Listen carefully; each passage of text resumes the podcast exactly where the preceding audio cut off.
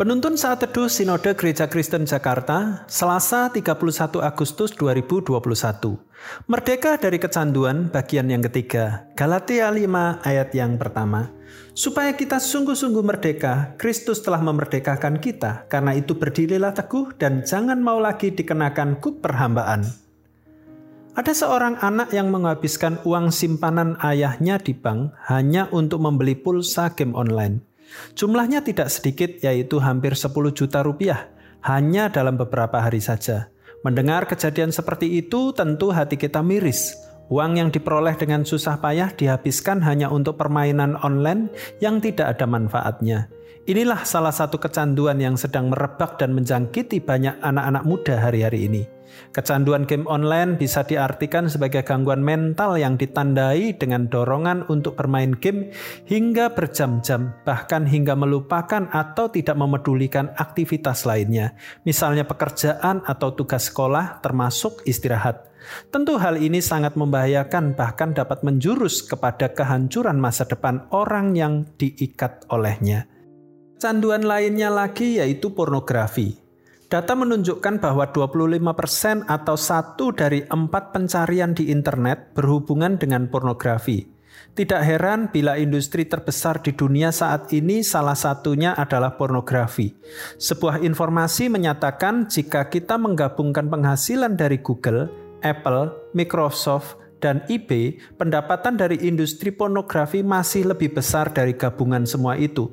Ketika orang terlibat dengan pornografi, hal itu akan dapat menjadi candu dalam kehidupan mereka. Di bagian lainnya ada kecanduan yang lebih terhormat. Di antaranya adalah kecanduan akan makanan.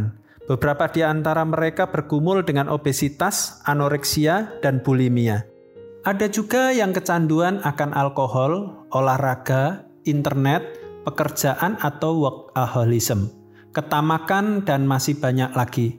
Setiap kita rentan terhadap perilaku adiktif dan kita perlu berjaga-jaga untuk melawannya. Jadi bagaimana caranya agar kita bisa benar-benar dapat lepas dari ikatan kecanduan tersebut? Pertama, kita harus jujur pada diri sendiri dan kepada Allah bahwa kita masih memiliki kecanduan akan satu atau dua hal. Kedua, putuskan untuk berubah. Keputusan untuk berubah harus diambil sebab keinginan daging kita selalu berusaha untuk menundanya sampai kita tidak berdaya lagi. Ketiga, kita perlu introspeksi diri. Kita harus mengetahui sampai ke akar-akarnya alasan kita melakukan hal buruk tersebut. Setelah itu, kita harus mengakui bahwa semua yang kita lakukan bukan hanya menjauhkan kita dari Allah, tetapi juga akan menghancurkan hidup kita.